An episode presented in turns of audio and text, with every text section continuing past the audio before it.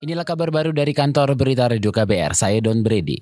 Tim kuasa hukum penyidik Komisi Pemberantasan Korupsi Novel Baswedan kecewa dengan kerja tim gabungan pencari fakta bentukan markas besar kepolisian. Tim itu dinilai gagal menjalankan tugas mengusut pelaku dan dalang penyerangan Novel pada April 2 tahun lalu.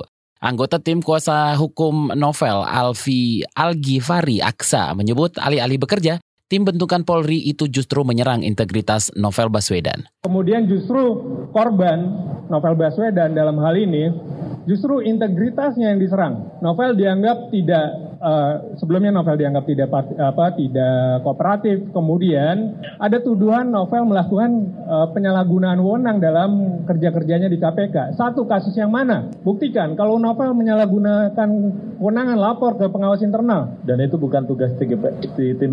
Ini kan terlihat menjadi kita dipertunjukkan ataupun disimpulkan sebuah motif bahwa ada balas dendam karena Novel menyalahgunakan wewenang di KPK. Anggota tim kuasa hukum Novel Baswedan Al Gifari Aksa menilai polisi berusaha mengulur-ulur waktu untuk peng untuk pengusutan kasus teror terhadap novel. Itu terlihat dari rekomendasi tim bentukan Polri untuk kembali membentuk tim teknis lanjutan. Tim itu akan mengusut enam kasus besar yang ditangani Novel Baswedan saat penyerangan terjadi. Namun Al-Ghifari mempertanyakan mengapa tim itu tidak memasukkan kasus buku merah dalam pengusutan lanjutan. Padahal kasus buku merah dalam perkara impor daging sapi itu menyeret-nyeret nama Kapolri Tito Karnavian. Anggota Komisi Hukum DPR Arsul Sani mengusulkan perlu ada revisi terhadap Undang-Undang Narkotika. Arsul beralasan saat ini lembaga permasyarakatan kelebihan kapasitas.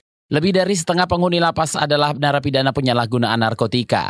Arsul menilai selama ini terjadi kesalahan penerapan penegakan hukum bagi penyalahgunaan narkoba karena ke sebagian besar diganjar hukuman penjara ke depan DPR dan pemerintah itu perlu untuk merevisi undang-undang narkotikanya. Ya revisinya adalah supaya itu tadi supaya politik hukum kita itu firm bahwa prinsip uh, untuk penyalahguna murni dari narkotika itu bukan di penjara tapi direhabilitasi. Itu dulu ditegakkan dulu prinsip itu, ya.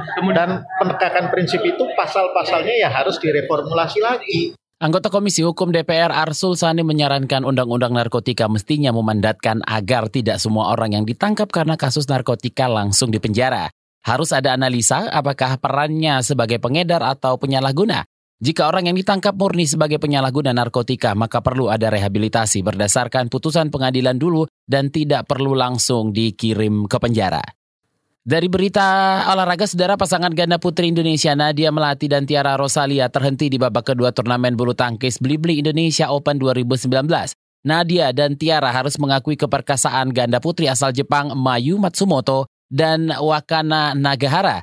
Pemain Jepang yang menjadi unggulan pertama itu menekuk ganda putri Indonesia dengan skor 12-21 dan 17-21 di Istora Gelora Bung Karno Jakarta pagi ini. Matsumoto Nagahara melaju ke babak perempat final dan akan bertemu dengan pemenang laga antara ganda putri Korea Lee So-hee dan Shin Sung-chan melawan ganda putri Malaysia Vivian Ho Yap Cheng Wen. Demikian kabar baru dari kantor berita Radio KBR. Saya Don Brady.